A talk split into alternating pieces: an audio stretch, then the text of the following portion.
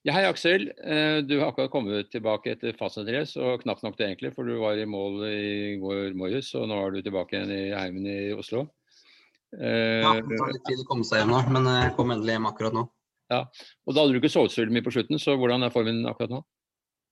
Ja, Den er grei nok, den, men det blir jo litt sånn Man går litt på halv, halv maskin. Ja. ja. Vi, var, nå er det jo i og med det er eh, covid, så kunne man ikke stoppe denne gangen, i utgangspunktet i hvert fall, med, i både England og Frankrike. Det gjør jo situasjonen litt vanskelig når starten er i England og målgangen er i Frankrike.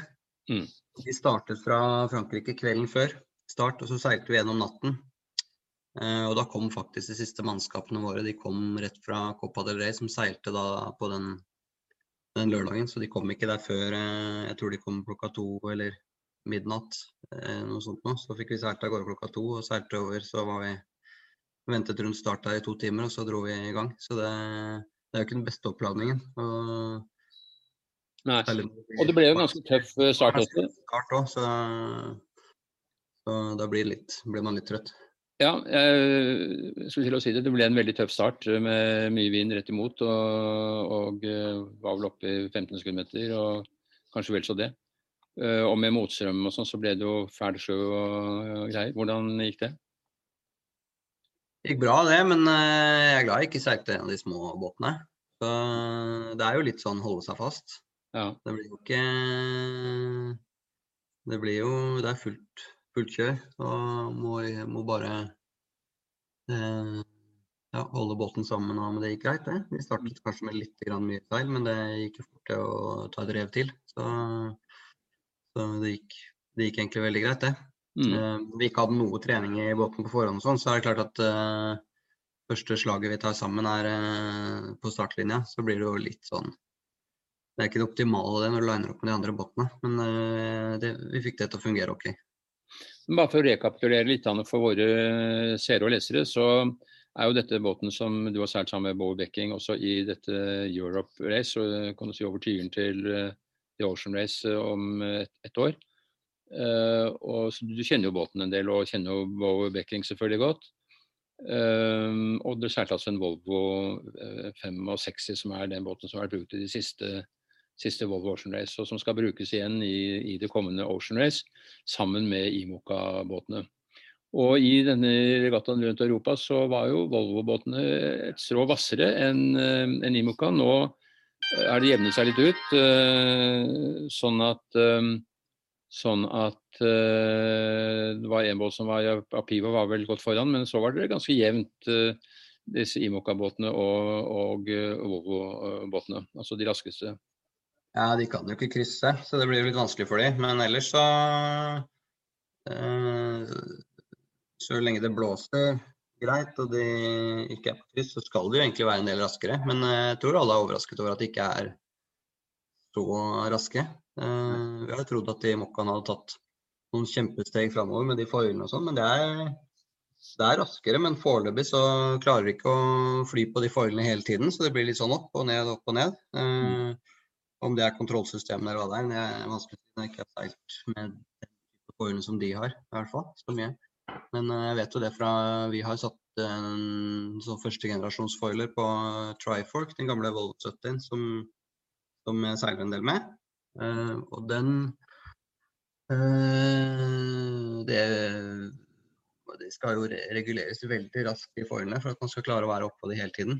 For plutselig har man for mye løft, og så har man for lite. Så det er litt sånn uh, Hvis man ikke har uh, holdt på å si motorisert kontroll eller uh, en hel haug med grindere som kan gi det der power hele tiden og sånn, så det har de jo selvfølgelig ikke de som seiler dobbelthanded i, i mokka. Så blir det litt utfordrende. Men det kan godt hende at de klarer å adressere det på, på noen måte også. det kan godt hende at noen av de egentlig har systemet for det, og det vet. Jeg kjenner faktisk ikke de båtene godt nok. Nei. Mhm. Hvis du ser på resultatlisten, da, som er uh, Dere seilte da i IRC Z, som det heter. Og foreløpig så ligger dere der på en uh, åttendeplass. Det kan vel endre seg, for det er stadig båter som kommer i mål. Men uh, det som er interessant, syns jeg, det er at uh, veldig mange av disse Volvo-klassebåtene de er fremdeles regattaklare og gjør det til dels veldig bra. Det er, var tre 65 Volvoer med, det var en til og med Volvo 60, så vidt jeg kan se, og så var det tre Volvo 65-er. Så mm? Ja, noen 70 også. Ja, ikke sant. Så det er jo interessant. Og de båtene, de C-foterne, de hevder seg jo bra under denne måleregelen. Altså 65-foterne, de i hvert fall under IRC som dette er, så fungerer jo ikke det i det hele tatt. Så når vi testet Volvo 70 mot Volvo 65, så var jo Volvo 70 15 raskere. Ja. Eh, så det var jo Vi måtte jo på en måte tamme ned den litt for at vi skulle ha utbytte av å trene de to båtene sammen i, da for eh, seks år siden. Så i teorien så burde de være raskere, men allikevel så hadde den jo bedre måltall enn oss, den I Love Polen, den andre polske båten som var med, som nå er kanskje den vasseste av 70-foterne. Så ja. 65-foterne det fungerer i hvert fall ikke i IRC. Jeg tror 70-foterne det fungerer OK, så lenge det ikke er lite vind. Nei. men da stopper jo de, og det, er, det klarer jo ikke ett sånn måltall å ta hensyn til uansett. Fordi de, det blir for mye våt flate. og Hekken lager bare en stor foss eh, med turbulens bak deg. Mm. Men uh, det som har, har vært med 70-foterne, det, det, er jo ikke en entype. Det var jo en utviklingsklasse. Du så jo bare hvor Du ser jo Eriksson 1 som seilte nå, som var eh, den far-generasjonen uh, i de tidlige Volvo 70-racet. Mm. Uh, den hadde Den var jo mye, gikk jo mye saktere rundt jorda enn enn de nye generasjonene. Altså sikkert eh, 15% det også. Allikevel så har den ca. samme måltallet. Så du klarer å, det, det handikapsystemet klarer liksom å ta hensyn til de ytre faktorene. Men eh, det går an å gjøre båtene mye raskere innenfor det. Og det er klart at det er ulempe med Volvo 65-ene som har vært bygget som én type båt for å passe inn i, i det Volvo Ocean Race eller det Ocean Race-systemet. Mm. så blir jo ikke den, uh, går jo ikke den like bra i forhold til måltall. Da. Du kunne sikkert laget noe med ganske samme innpakning som gikk en del raskere etter at man hadde seilt den første generasjon og, og, og før neste etter andre race også. Så det er ulempen med 65-foteren. Når det er én type, så får du ikke utviklet de videre. Men uh, de båtene er jo, de er jo raske, de. De 70-foterne det er jo noe av det raskeste som er rundt omkring, det. Som ikke foiler og ikke har uh, flere skrog. Mm. Så det, sånn kommer det alltid til å være. De var jo kanskje litt raskere enn det man hadde godt av. Så de gikk jo ned i stykker pga. det, og folk ble en del skadet. og de, ja. Så Sånn sett så er det fint å seile den 65-foteren hvor det er eh, høyere fribord og som går litt saktere i en del forhold, i hvert fall. Så, ikke alle. De har jo, nå, de har jo verdensrekorden på 24 timer. Så skal, ja. ikke, skal ikke snakke de for mye ned, de heller. Så, men men Aksel, la oss ta litt uh, selve fastnettrace, hvordan det utviklet seg for dere. Det var altså mye, start, mye vind i starten. Uh, så bildene fra Solund hvor det var, gikk uh, hvitt og var store bølger. Og så kom dere da forbi Port and Bill og rundt omkring der. Så løyte vi litt etter hvert, og dere kom inn i Iskesjøen. Så var det jo mer behagelige seilbærforhold. Ja, egentlig så var det jo en uh, nydelig regatta sånn sett, med skikkelig fighting i starten. Og så det, fikk man mulighet til å litt mer finseiling og hente seg inn etter hvert. Så det var veldig, veldig fin uh, seilas. Og det som er litt med fastnett, er jo tradisjoner som en del andre regattaer, og de er, jo, de er jo konservative der borte. Så den starten den går jo rett etter at strømmen eh, snur, så da får du tidevannet med deg. Og når det er eh, Nå var det jo spring, springflo nå, og da er det Det var vel nymåne nå. Og da, da, blir det jo fem knop strøm der, da. Da får du jo i hvert fall fem knop ekstra mm. strøm mot vinden, da, som gjør at du får fem knop mer vind. Så det er jo liksom alltid Så lenge det blåser, så er det alltid litt mye vind ut i de trange stedene på fastnett her. Og med de uh, med sånn stående brytende bølger og sånn, så er det alltid litt litt action på det der sånn. Og litt båter som går i stykker. Jeg har faktisk ikke fått lest så mye nyheter. Uh, fra racer. Vi hadde nok med seilingen. Men eh, hva jeg skjønte, så allerede ganske kort etter start så var det 50 båter som hadde brutt. Og det er jo i utgangspunktet båter som har vært nødt til å kvalifisere seg eh, med offshoreseiling og sånn. Så det er jo ikke helt som om 50 båter må bryte her hjemme. Det, det, er jo kanskje fordi man ikke har seilt så mye sjø og og vind før. Men det skal i teorien disse ha gjort. Så kom vi der, og så ble det litt Det er jo en ting som jeg syns er litt, uh, litt kjedelig, Den er selvfølgelig veldig interessant også, men det er jo disse trafikkseparasjonssonene som vi nå de siste syv-åtte årene så har vi ikke seilt gjennom de lenger, sånn som vi gjorde før. Uh, så nå er det jo ikke lov til å touche det. Da kan du få straff, og får det sannsynligvis. Som man ikke helt vet hva er. Så det er litt sånn black box i seiling, i offshoreseiling nå. Det er at ja, noen båter får straff for å seile inn der, og noen får det ikke, og noen eh, Men man tør i hvert fall ikke å gjøre det. Så blir det en sånn veldig kunstig øy i midten, da. så må man gjøre en del veivalg rundt de. Og det har det vært. Det var det både i den Europe Race og i Fastnet så er det jo flere av de, spesielt rundt den uh, Lands End på vestkysten uh, av UK. Så er det jo veldig store valg man egentlig må gjøre der. Hvor man ender opp uh, ja, 25 mil fra hverandre, nautiske mil. Så det er, eh, det er, litt vanskelige valg. og Der har du både, så du tar hensyn både til vinden og tidevannet der, da, som også er en viktig faktor der. sånn. Og så har du konkurrenter som selvfølgelig gjør, eh, kompliserer det litt grann også. Men så må du krysse den sonen når du skal i mål i, i Frankrike. Uh, har det noen uh, implikasjoner? Nei, altså da er jo Da på Da er det jo to til der, da. Eh, som man eh, må seile rundt. Og det er jo Da må man velge side av de også. Så det, da skal man rundt Siljeøyene. Det er liksom laget som litt sånn enveiskjøring. For når vi kommer inn i kanalen, så er det fortsatt mye båter som er på vei ut. Mm. De, det er jo mye små båter med også. De på 30-tallet fot og, og 40, som det tar litt tid å komme ut av kanalen. Så hvis de er litt uheldige med de tidevannsgatene, kan de fort få to tidevannssykler mot seg, da, da, går det ikke noe særlig fremover. Så da har du plutselig har du tatt tolv timer på det. da. Mm. Så da tar det tid for det. Så kom vi ut der. Det gikk egentlig bra det for oss. og Vi ledet jo bra der mot de andre to Volvo 65-ene. Og så var vi kanskje litt heldige akkurat rundt eh, ja, Vi hadde nok gjort noe riktig valg, men så var vi litt heldige akkurat med timing rundt fastnett. De foran oss var kanskje enda heldigere, hvor, eh, hvor eh, istedenfor å seile med 12 til 15 knop som vi gjorde ellers, så akkurat rundt fastnett så gikk det saktere og saktere og lenger bak man kom. Så i, i feltet, i hvert fall til en viss grad, i hvert fall akkurat da vi storbåtene rundt der. Så da ble, det, da ble de avstandene ganske store. Så jeg tror liksom de, de ti nautiske milene vi hadde på Mexico da vi gikk inn der, de ble til ja, Jeg vet ikke helt hva det ble, men jeg tror sikkert det ble til, ble sikkert til 20. Det var jo litt flyt akkurat rundt der. Men vi visste jo det allerede før start, at uh, dette racet i utgangspunktet var et race for vår klasse, for de små båtene i klassen. For det kom et nytt lavtrykk inn bakfra. Uh, og en høytrykksrygg i kanalen som gjorde at det ble alltid mye mer vind bak i feltet. Så de i Mexico, de, de, de, fullførte jo nesten rett ved siden av oss. Tror de var et par mil bak oss, jeg. Fra de 20 milene, enda vi hadde seilt ca. samme banen. Så det ble en veldig kompresjon der. Så sånn, akkurat på resultatet, åttendeplass, er jeg ikke så imponerende. Men vi var fornøyd med seilingen.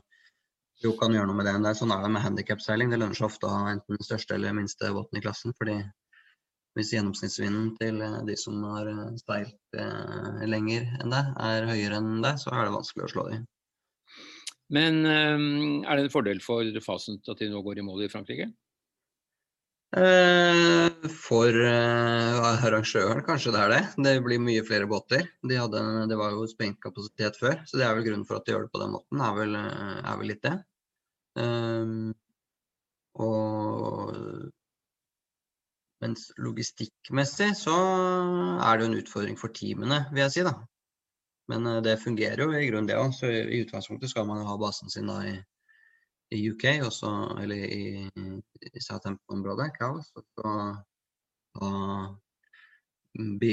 varebilen sin eller tilhengeren eller eh, vogntoget, hva man har i teamet sitt, med alt utstyret, være der. og Så seiler man i mål i Frankrike og kanskje er der en dag før man drar over eh, til sakene sine igjen og gjør reparasjoner der.